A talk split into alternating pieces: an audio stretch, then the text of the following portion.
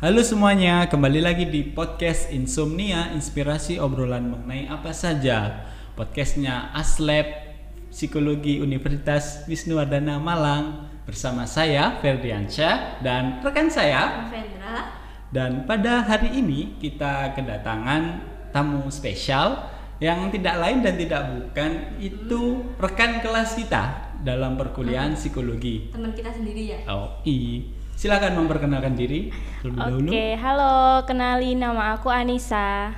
Oke, selanjutnya Eh, perkenalkan nama aku Astri. Oh, Anissa dan Astri. Astri. Sebelumnya terima kasih nih buat Anissa sama Mbak Astri udah meluangkan waktu untuk hadir dan datang di meja podcast Insomnia ini. Eh, hari ini kita mau bahas apa, Nov? kita mau bahas tentang kepribadian berdasarkan request teman-teman eh, minggu-minggu lalu sih di IG ya kita pingin eh, menuruti keinginan teman-teman katanya bahas lebih dalam dong tentang kepribadian. Oke sekarang waktunya kita bahas tentang kepribadian. Jadi tema yang kita ambil itu sekarang adalah kita eh, sharing ya tentang kepribadian tapi dalam konteks eh, keseharian. Jadi kayak ya di kehidupan nyata sebagai eh, ya yang pemilik ibaratnya pemilik kepribadian itu gimana sih rasanya gitu jadi bukan eh, teori ya kalau teori mungkin di kelas atau mungkin teman-teman mungkin bisa google sendiri teori seperti apa Hmm. tapi kita lebih ke sharing pengalaman keseharian gitu Ya. Oke, kalau teori kan apa bedanya podcast Ah, sama nah, kuliah di kelas? nah, itu kita konsepnya kali ini beda sama eh, yang kemarin-kemarin ya. Jadi kenapa kok jadi empat orang ini ceritanya itu masing-masing orang ini adalah perwakilan dari kepribadian-kepribadian. Eh, kalau kita kan kemarin pakai eh, ke tipe kepribadian yang dari Immanuel Kant. Ya enggak, nanti aku salah ngomong nih. Iya, Ya, betul, Immanuel betul. Kant. Eh, Immanuel Kant ya Iya. Immanuel Kant yang eh, dia kan bilang kalau kepribadian sendiri ada empat yaitu sanguin, eh, koleris, melankolis dan pragmatis. Jadi ceritanya ini berempat ini perwakilan dari itu semua. Gitu teman-teman. Oke, dan saya di sini itu perwakilan dari kepribadian sanguins. Jadi secara umum sih kepribadian sanguins itu orangnya banyak ngomong, terus lebih cenderung ekstrovert, terus apa ya aktif gitu. Kemudian kalau sisi kurangnya itu karena banyak omong itu lebih mudah untuk mengumbar janji hanya saja jarang sekali untuk ditepati gitu sih kalau dari sanguins gimana dari itu yang korelis Oke, kalau koleris ya, Ya. aku. Kalau koleris itu eh, mempunyai toleransi yang tinggi kalau koleris. Terus juga suka berpetualang, suka akan kebebasan dan biasanya tuh suka mengatur kalau koleris itu sih. hmm, ya lebih Pastinya dominan. ekstrovert ya. Ekstrovert Oke, oh iya. pastinya Kecenderungannya ekstrovert ya Iya. daripada introvert. Mm-mm. Oke. yuk selanjutnya apa nih melankolis Melankolis dulu apa? Melankolis dulu. Melankolis dulu. melankolis saja guys Asik oke dulu. Kalau saya tuh mewakili melankolis. Jadi kalau melankolis itu kan sebenarnya secara basic tuh dia perfeksionis. Mm-mm. Jadi pengen sempurna dalam segala hal kayak gitu. Baik itu mungkin kalau ya masih sekolah ya pengennya di akademiknya itu sempurna. Terus kalau di karir ya karirnya sempurna. Bahkan ketika menjalin hubungan dengan orang lain itu juga pengennya sempurna kayak gitu. Nah, cuma dari situ tuh akhirnya dia cenderung apa ya orang yang berhati-hati terus analitis karena karena apa ya istilahnya dia tuh pengen itu kan mengejar kesempurnaan dan jangan sampai dia tuh melakukan kesalahan kayak gitu. Hmm. jadi berusaha gimana sih caranya biar nggak ngelakuin kesalahan kayak gitu terus selain itu juga dia kalau dalam pertemanan dia cenderung berhati-hati juga ketika berteman. Makanya mungkin kalau dibandingkan nih sama eh, Anissa yang koleris atau Ferdi yang sanguin itu kan banyak temen ya karena ekstrovert. Nah kalau orang eh, melankolis itu cenderung introvert kayak gitu. Dia lebih suka sendiri gitu. Tapi ya ini sih kalau secara basic ya itu perfeksionis itu tadi. Jadi Oh. suka sama detail-detail mungkin paling Ya. kecil sekalipun gitu Iya. ya. Ya. Hmm, banyak pertimbangan juga sih kayaknya. ya itu yang bikin overthinking sih biasanya kalau orang melankolis itu. Ini kayaknya berteman sama kepribadian aku nih yang pragmatis jadi sama-sama introvert cuma bedanya kalau pragmatis eh, dia lebih cenderung cari aman nggak mau apa ya menghindari konflik. Dia suka eh, kedamaian ketenangan terus orang yang cukup santai. Jadi nggak mau yang ngambil hal-hal yang, beresiko itu. Karena mungkin cenderung introvert ya jadi mungkin pemalu nanti kalau kalau ngelakuin ini apa ya bikin apa eh, cenderung diperhatikan orang. Terus habis itu kalau bikin konflik juga akhirnya dia merasa apa ketakutan kayak gitu. Kalau pragmatis gitu. Oke, itu tadi kan dari teman-teman. Begitu juga saya sama Noven udah jelasin nih mengenai empat kepribadian. Kalau dari ini bintang tamu kita yang spesial ini eh, seberapa penting sih kepribadian menurut kalian untuk mengetahui kepribadian masing-masing gitu loh? berapa penting orang itu tahu kepribadian ya Iya, kepribadian Mbak Asri, ya? Menurut saya sih penting ya, soalnya kalau kita tahu kepribadiannya kita itu kan kita secara nggak langsung tuh tahu kelebihan sama kekurangan kita.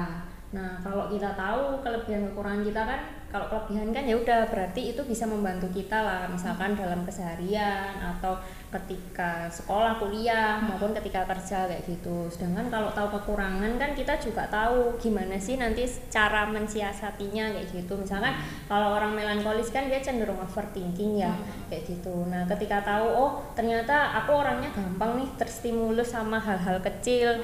Misalkan karena hal kecil aja bisa bisa nggak tidur kayak gitu. Misal ya karena overthinkingnya. Nah, berarti kan aku bisa mensiasati nih gimana gitu caranya biar ya itu nggak overthinking kayak gitu. Jadi ya lebih ke akhirnya kita bisa mensiasati itu sih kalau menurut aku. Penting banget jadi berarti ya. biar paham Mm-mm. orang lain juga gitu ya Ya, itu juga. ibaratnya kita harus bersikap seperti apa dengan kepribadian kalau misalnya kita tahu kayak misalnya oh mbak itu orang yang melankolis jadi kita harus menghindari hal-hal yang seperti apa biar nggak jadi konflik misalnya kayak gitu ya ya Iya. dalam segi relasi ya menjalin Iya. hubungan dengan orang lain Jadi itu ya keuntungannya kalau kita bisa memahami kepribadiannya. Kalau dari ini Anissa bagaimana? Iya, sebenarnya tadi udah di ini sama. Noven sih, terwakilkan sama Noven ya. Jadi eh, penting dalam bagaimana kita menjalani hidup sehari-hari. Misalnya kayak menjalin relasi dengan orang lain, dengan kita mengetahui kepribadian mereka kan kita bisa tahu nih eh, bagaimana cara kita nge-treat mereka. Kan tiap orang pasti beda-beda. bahkan Iya. mungkin sama, sama kalau dari pengalaman pribadi kan sharing gitu ya Mm-mm. Eh, kayak anak sama orang tua aja bisa beda, Beda. gitu kan Mm, kalau kita kita misalnya paham sama misalnya oh karakter orang tua aku ini koreli sedangkan misalnya aku ini pragmatis jadi apa nih jalan tengahnya biar sama-sama enak gitu kan Atau jangan-jangan bukan anaknya, Apa? soalnya kan beda. iya ya Sama saudara sih, sama saudara nggak beda. iya bisa saudara. beda gitu ya Harusnya kan gua turun Dipertanyakan dari ya? iya.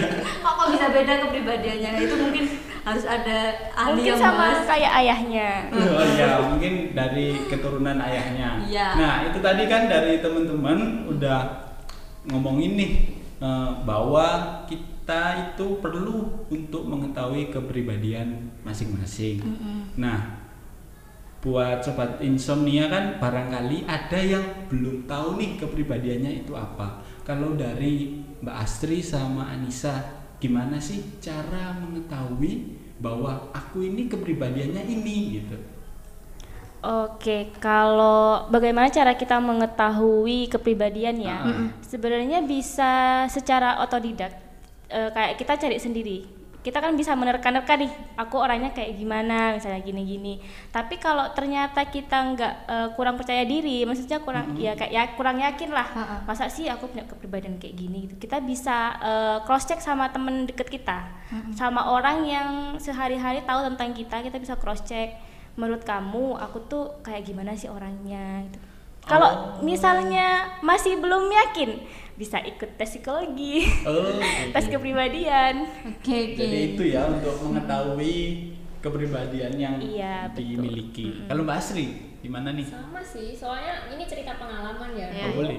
ketika aku tahu kalau aku melankolis nih terutama dominan melankolis itu sebenarnya awalnya karena nyari tahu sendiri ya karena dulu kan kayak belum tahu nih kalau ternyata di psikologi itu ada tes yang memang kayak ya itu ngukur kepribadian kayak melankolis koleris itu itu belum tahu. Jadi taunya tuh ketika eh, nyoba eh, awalnya ya kayak menghayati diri sendiri lah kayak gitu. Apalagi kan orang melankolis kan cenderung introvert ya kan Iya. kayak suka apa sih me- menyadari diri sendiri gitu loh. Suka mikir. ya suka mikir kayak gitu. Kebanyakan ya emang kayak mikir. gitu kan. Oh, hal kecil kan dipikirin. Nah terus akhirnya taunya juga ketika coba cari-cari waktu itu ada kan buku tentang itu juga gitu. Nah akhirnya ketika baca buku itu dibandingin nih sama diri sendiri gitu. Oh ternyata ini ya aku kok mirip sama si kepribadian melankolis ini kayak gitu. Nah akhirnya dari situ malah tambah tahu yang awalnya itu mungkin sudah menyadari ya ketika nyoba eh, apa sih menghayati diri sendiri eh ternyata ketika tambah referensi kayak gitu nah itu tuh tambah mengetahui oh ternyata kelebihannya ini kekurangannya ini kayak gitu. Terus nanti niat hatinya kayak gini. Jadi akhirnya taunya dari situ. Terus selain itu juga sama sih kayak katanya Anissa tadi kan kadang ada hal yang mungkin kita tahu eh kita nggak tahu tapi Orang teman, lain tahu. eh, orang lain Iya, atau keluarga tahu. tuh tahu nah biasanya ya kita sharing aja sama mereka terutama orang-orang yang deket sama kita gitu loh kan kalau orang yang deket atau sering sama kita kan dia tahu tuh keseharian kita, Kita, gimana iya. Terus mungkin kita tuh kebiasaan mikirnya kayak gimana kalau ada kejadian kayak gini tuh Iya. gimana ngeresponnya Perilakunya bagaimana. Hmm, kayak gitu nah hmm. Ya itu terus ya dari situ akhirnya kan kita jadi tahu hal-hal yang mungkin sebelumnya nggak kita sadari kayak gitu sih Iya, sering sih kayaknya aku sering ngalamin sih ya malahan ya. Jadi eh, kitanya itu nggak tahu, malahan orang lain Lebih itu tahu. lebih tahu tentang kita. Nah, itu sih. kamu kok orangnya gini sih kamu Nah. masuk kategori ini ya gitu ya ada yang kayak gitu kan ya. Ya, apalagi ada. Kalau aku sendiri ya ngerasain jadi anak psikologi itu. Kadang ya banyak temen yang kayak gitu kan.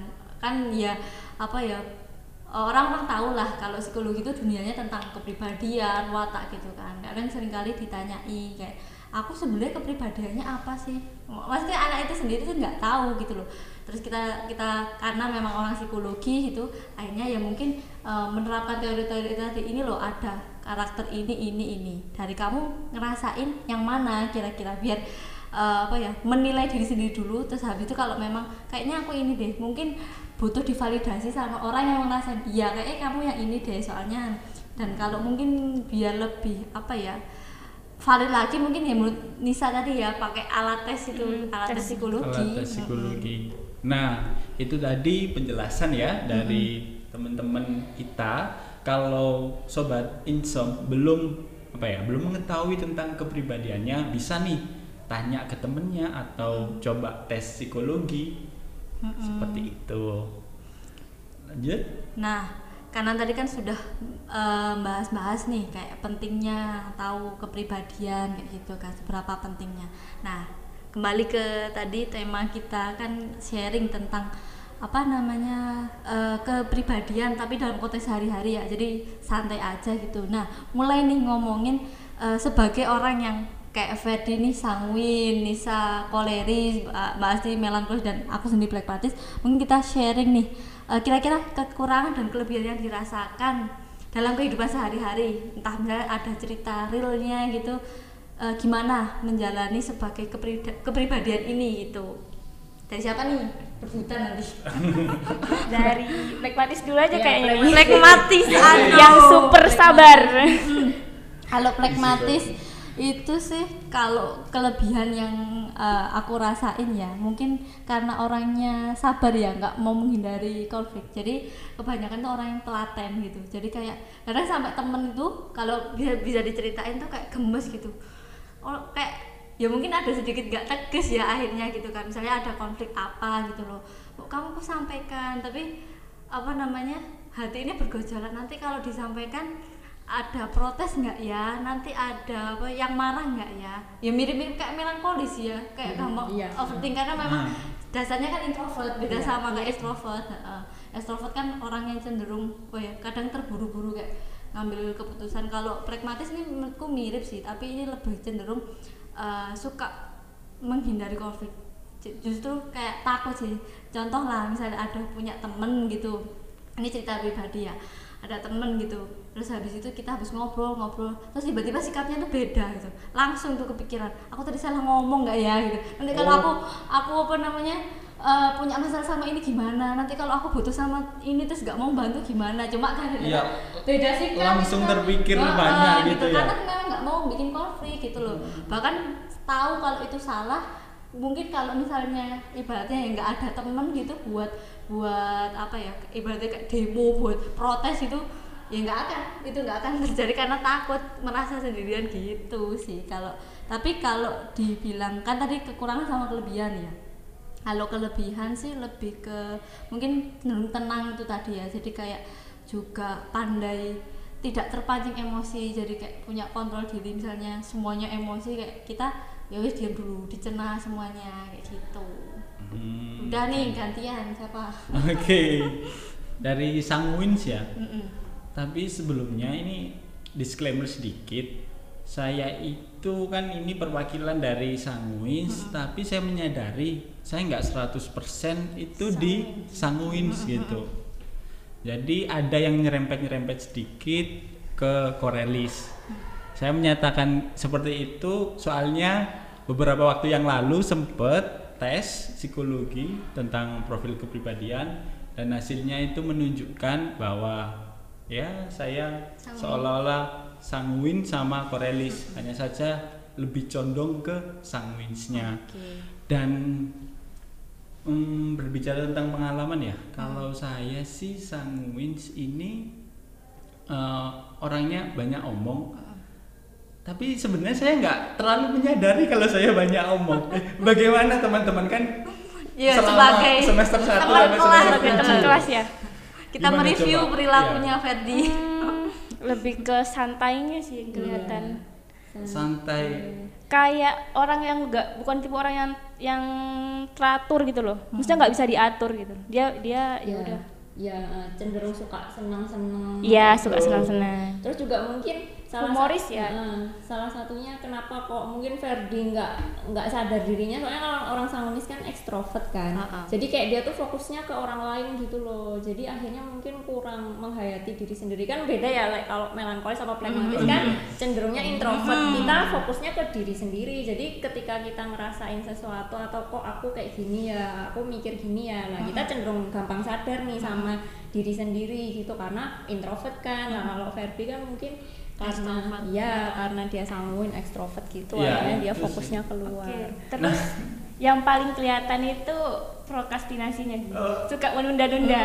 Itu kelihatan banget orang sanguinsnya. karena dia mungkin terlalu aktif kali ya kan orang sangun tuh aktif gitu jadi banyak kegiatan yang diambil akhirnya ya fokusnya kurang gitu Iya satunya prokrastinasi Nah, tadi kalau aku menyadari sendiri ya, kalau aku itu selama ini banyak sekali tertarik sama hal-hal yang baru. Jadi ada apa nih saya fokus ke ini, terus ada apa yang baru loncat-loncat gitu loh. Jadi nggak bisa fokus sama satu tempat atau satu posisi gitu. jiwa sosialnya tinggi juga ya Kurang tahu. Ya barangkali seperti hampir, itu. hampir mirip sama koleris sih. Iya tantangan soalnya mirip nih karena memang koleris sanguin itu kan tadi ekstrovert gitu kan melankolis pragmatis ini kan introvert gitu kalau dari sisi yang koleris. eh, ekstrovert dari koleris Oke. gimana Kalau koleris tadi itu meskipun dia suka tantangan baru ini tuh eh, koleris itu punya apa ya? Setiap kegiatannya tuh dia pasti mengacu pada target, tujuan dan hasil gitu. Itu kalau tipe-tipe koleris. Terus kalau koleris itu biasanya tipe yang pemim suka memimpin, memimpin. Tadi kan suka mengatur gitu-gitu kan. Sama temen-temennya nggak banyak sih kalau koleris. jadi bisa dibilang kalau koleris itu dominannya mimpin gitu mimpin ya ya, mimpin. Lebih mendominasi gitu. Uh, uh, mereka suka dominan gitu uh, aku kalau kalau kelebihannya koleris itu sukanya yaitu tadi mereka itu pasti mengacu pada target tujuan dan hasil. Terus juga misalnya dalam suatu pekerjaan atau mengerjakan tugas itu mereka pasti bertanggung jawab gitu kalau koleris Oh, cuman kelemahannya ya kelemahannya itu eh, biasanya tipe koleris ini kurang bersenang-senang kok bisa? Kurang kayak ya kalau misalnya orang yang terlalu berpacu pada target tujuan itu kan ambisius kan biasanya jiwa-jiwa ambisius gitu loh. Kaku gitu ya? Iya jadi kebanyakan kurang bersenang-senang itu. Terus juga ada eh, kelemahannya itu mudah tersinggung sih kalau tipe koleris. Sam, mirip-mirip melankolis dong kan sensitif juga Iya. melankolis Iya. ada tip Cuma mungkin kalau koleris kan karena dia ekstrovert ya, dia lebih kalau tersinggung tuh dia marah kayak oh Mengekspresikan mengekspresikan secara Iya, langsung. iya. Nah, Oh. kalau melankolis Dipendem. itu Nah, dia memang dipendem. Iya, dia apa ya? Kalau aku ngelihat melankolis tuh dia mirip kayak plekmatis sama koleris kayak gitu. Miripnya di mana? Kalau overthinkingnya mungkin mirip ya sama plekmatis kayak gitu. Tapi kalau semisal mudah tersinggungnya itu juga ada mirip sama koleris, bedanya hanya ini kalau dia diaktuskan koleris, kalau si melankolis ini dia pendendam kayak gitu. Jadi kan kalau plekmatis kan kalau tersinggung dia nggak mau konflik kan. iya Melankolis Justru kayak ini ngalah gitu Iya, kan ngalah dan cenderung apa ya mungkin mau menyesuaikan lah kalau orang lain mau Kayak biar kamu seneng, Mas, iya, ya iya. ikut. Gitu aja gitu ya Nah, kalau melankolis enggak. Melankolis tuh mirip kayak koleris karena dia punya prinsip. Sama dia punya prinsip. Kadang itu mungkin yang bikin dia crash juga sih sama lingkungannya kayak gitu. Karena kalau udah ada beda prinsip ya udah dia tetap sama prinsipnya. Cuma ketika dia sudah tersinggung sama sesuatu hal kayak gitu, dia bisa mendem itu kan karena dipikir ya. Dan jeleknya orang melankolis tuh kadang pendendam kayak gitu.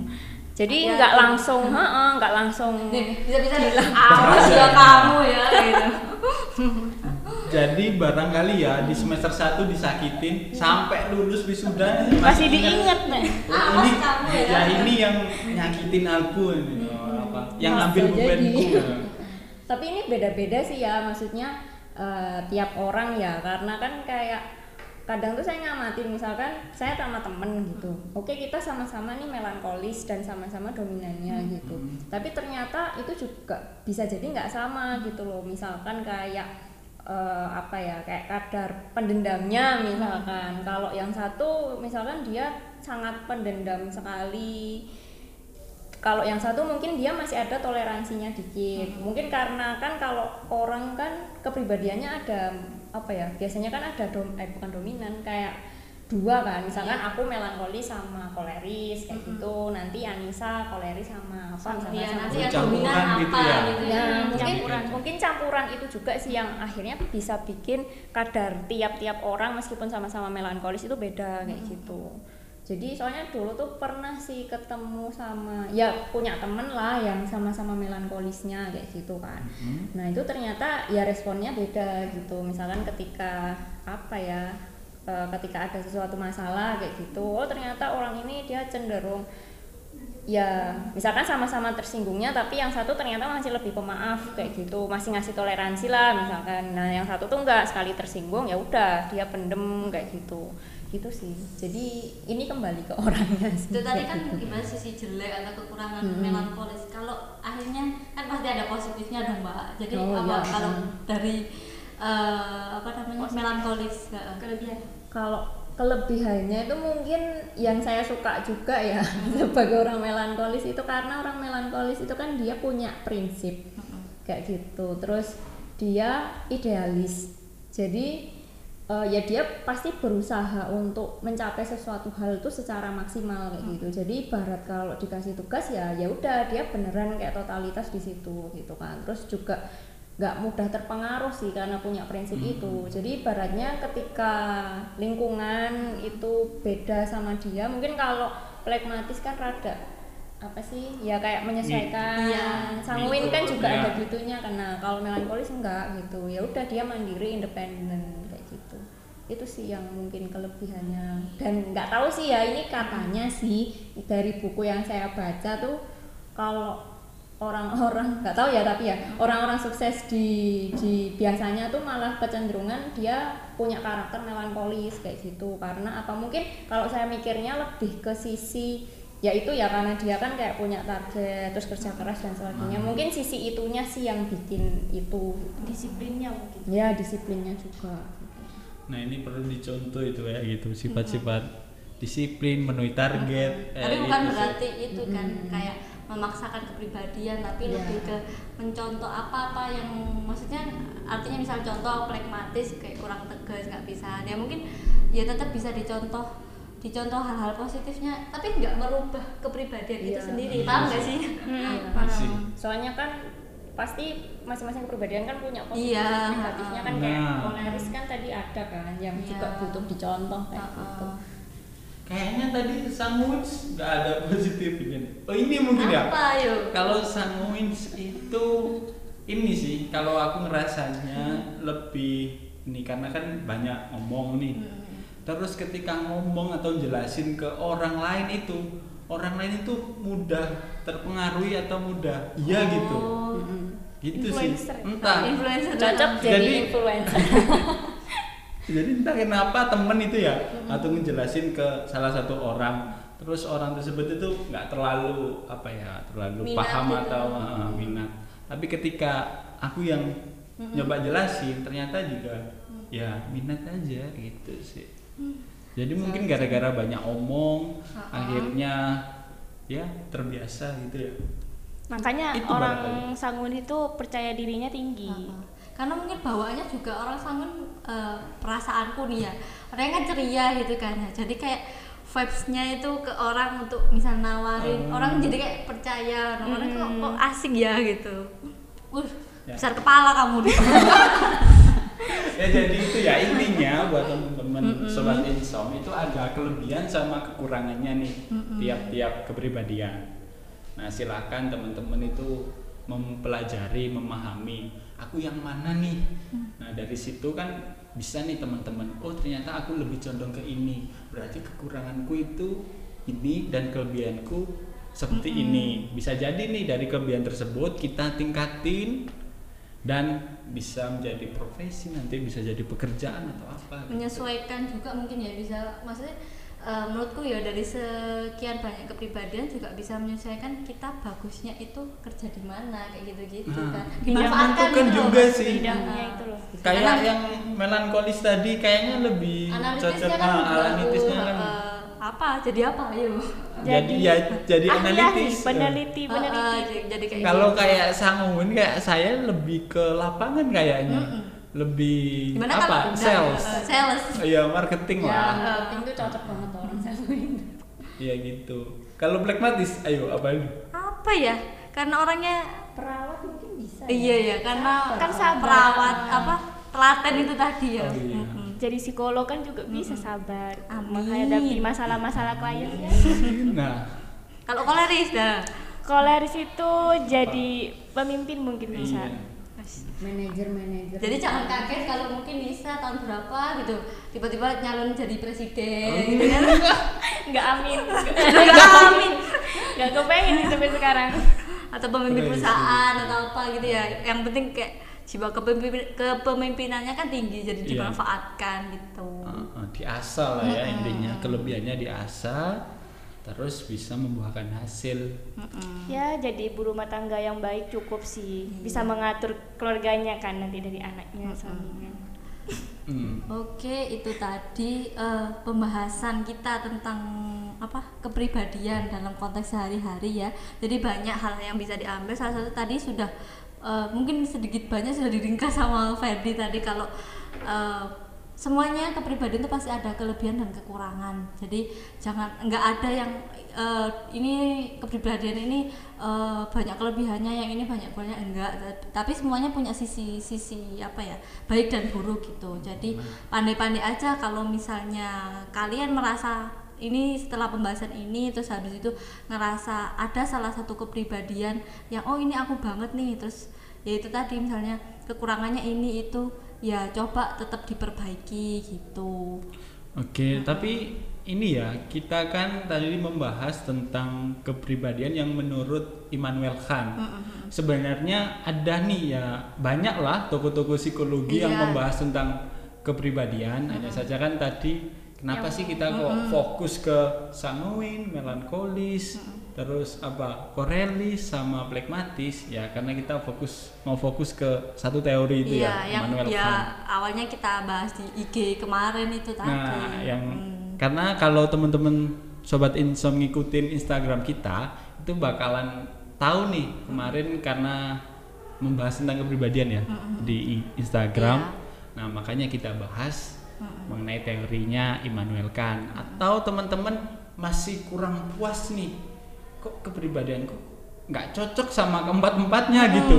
Wah, Masuk apa yang nih? mana? Ah, Nggak coba lah. sih pasti Tapi nggak mungkin ya, kayaknya. Masih ada kan ya?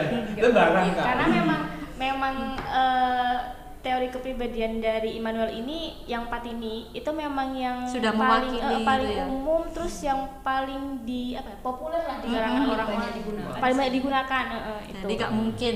biasanya kan kita Iya. tahunya kan eh, kalau masyarakat yang umum ya extrovert, ya, introvert dua gitu itu kan. ya. Tapi kalau plekmatis, koleris, melankolis, sanguin itu memang udah banyak masyarakat yang kenal gitu dengan empat teori kepribadian ini. Nah itu ya bisa lah nanti kalau semisal kurang puas mau di cross checking sama teori-teori dari toko-toko tertentu, misal Jung, apalagi Adler, banyak lah itu teori-teori. Eh, toko psikologi. Seperti itu. Aku mau tanya. Apa? eh, dari apa kepribadian kita masing-masing ya yang empat tadi itu kan ada kelebihan kekurangan. Terus eh, ini lebih ke kasusnya um- secara apa ya secara umum ya. Biasanya kan kebanyakan orang itu tidak bisa menerima kekurangannya gitu kan Kekurangan diri iya maksudnya. Iya. eh, gitu loh. Nah, itu gimana supaya kita gimana caranya kita itu bisa menerima sebenarnya kan kekurangan itu bukan sesuatu yang apa ya harus kita hindari kan sebenarnya Kalau ini diskusi tentang itu Iya. ya. Kalau dari aku sih mungkin bi ini juga bahas juga self love ya artinya ya. Kalau dari aku sih kalau biar mungkin nggak terlalu membenci diri sendiri karena kekurangan itu ya kita harus mensiasati. Dengan adanya kekurangan itu baiknya harus gimana? Misal kayak plekmatis nih kekurangannya kan nggak tegas gitu kan. Terlalu banyak pertimbangan takut apa ya takut ada konflik. Ya biar apa ya biar nggak menyalahkan diri sendiri terus ya kayak gitu ya mungkin cari support system kayak biar apa ya punya kontrol diri, Diri. untuk misalnya aku nggak bisa mutusin ini aku bingung gitu tapi aku harus kan harus ngasih keputusan gimana biar apa ya biar objektif biar biar apa ya punya pen- penyelesaian yang ba- bagus ya coba tanya ke orang lain gitu orang yang mungkin dipercaya atau ya orang yang bisa buat nyaman lah untuk sharing masalah itu gitu. Oke, kalau dari aku sih ya tadi tentang apa tadi? tidak bisa penerimaan terhadap kekurangan Iya, terhadap kekurangan.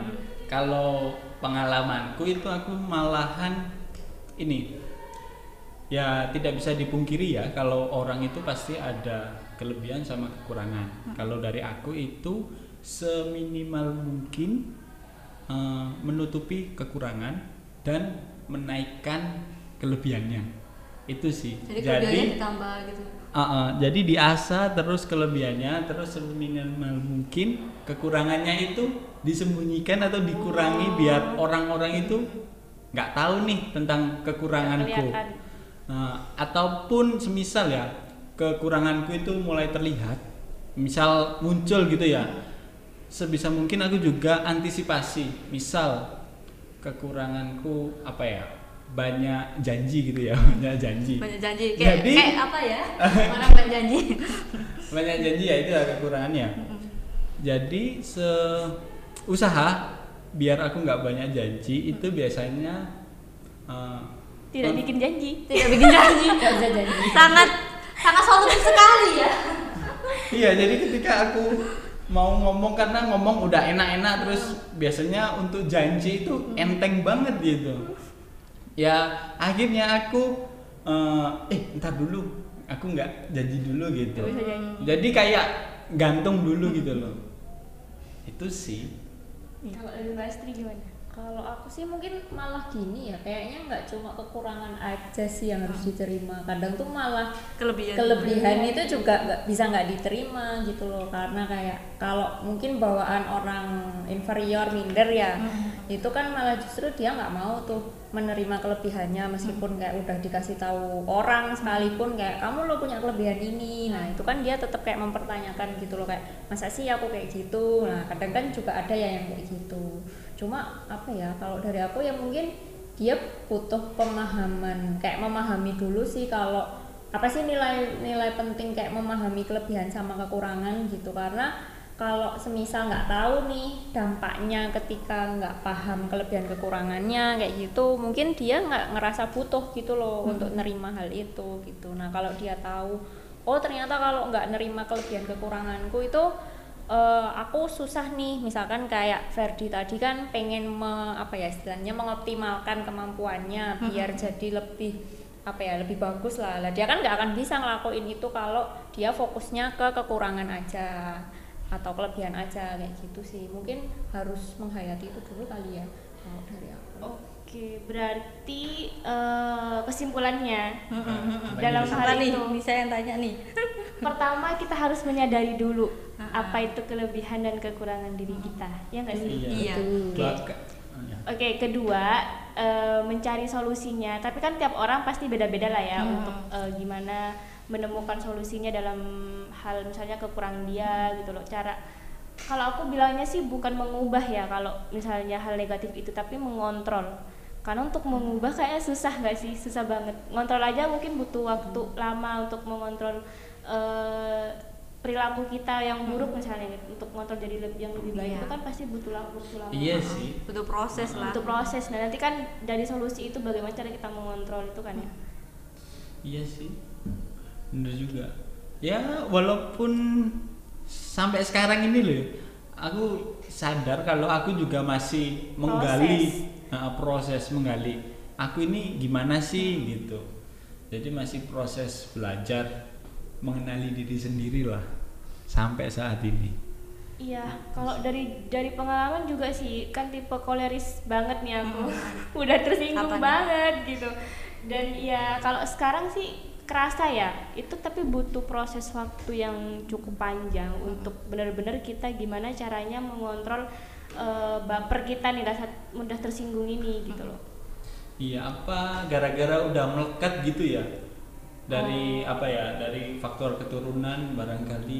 bisa Karena bisa sih Mm-mm. bisa bisa jadi keinget juga sih ngomong uh, masalah pengalaman Nisa juga aku kan pragmatis tapi ke beberapa akhir-akhir ini itu banyak yang bilang bukan berubah sih tapi lebih ke kamu sekarang udah cukup itu ya Bisa percaya diri uh, bisa punya pengendalian diri cukup beranilah untuk memutuskan sesuatu. Nggak se apa ya nggak se sepasif dulu karena kan benar-benar takut gitu kan. Ya mungkin kalau aku dari situ pas ada temen yang bilang kayak gitu tuh ngeevaluasinya mungkin juga gara-gara eh, gabung sama apa ya orang di sekitar yang punya pengaruh yang eh, positif ya. Jadi kayak ya itu tadi ada saran-saran gini ya apa belajar tegas belajar apa. Jadi kepribadian itu tetap ada dominan. Tapi juga apa namanya terkurangi dengan adanya mungkin kalau misalnya itu kan apa ya kekurangan jadi lebih baik gitu kan karena yang nggak enakan jadi lebih tegas gitu kan. Nah itu mungkin kan berkurangnya karena ya kita dilingkupi sama orang-orang yang punya support yang bagus. Jadi kayak oke nggak apa-apa silakan punya kepribadian itu dengan kekurangan itu tapi juga jangan pernah berhenti untuk apa ya berkembangin berkembang jadi lebih baik gitu jangan pernah berhenti untuk berproses. Mm-mm. Mm. Bisa jadi kepribadian itu itu ya berarti ya berproses terus ya. kepribadian Maksudnya- itu bisa dipelajari Iya sih. Ada faktor lingkungan, kayak mungkin yang diceritain Novan kan gitu ya. Maksudnya kayak dia bukan paten yang nggak bisa nggak bisa diubah nih Iya. udah seklek nggak bisa ya. Itu masih bisa kan, makanya kan bisa dipelajari. Cuma memang kalau tadi Ferdi ngomongin yang keturunan sih, kayak itu juga berpengaruh sih. Jadi ibarat kayak apa ya? eh kalau semisal antara ayah ibunya ada kolerisnya kayak gitu, biasanya nanti ya mungkin salah satu anaknya ada yang koleris kayak gitu. Jadi kayak mungkin itu kayak bawaan itu pasti ada tapi nggak sama dengan itu nggak bisa diubah gitu Mm-mm. karena lingkungan itu juga pengaruh banget sih jadi mungkin kita memang perlu sih ya kayak nyari eh, lingkungan yang positif gitu loh biar kita tuh terus berkembang Nah, itu tadi pembahasan kita mengenai tipe kepribadian menurut Immanuel Kant. Sebenarnya panjang banget sih ya kalau diteruskan. Dan terima kasih buat Mbak Asri sama Anissa telah datang dan diskusi dengan kita pada hari ini. Nah, untuk sobat insom semua yang dengerin podcast Insomnia, jangan lupa terus ikutin eh, kita untuk episode-episode eh, selanjutnya. Terus terus ikutin kita di setiap sosial media kita di bawah ini. Nah, akhir kata eh, saya Novendra dan Saya Ferdiansyah. pamit. Eh, see you in the next episode. Bye bye. Thank you.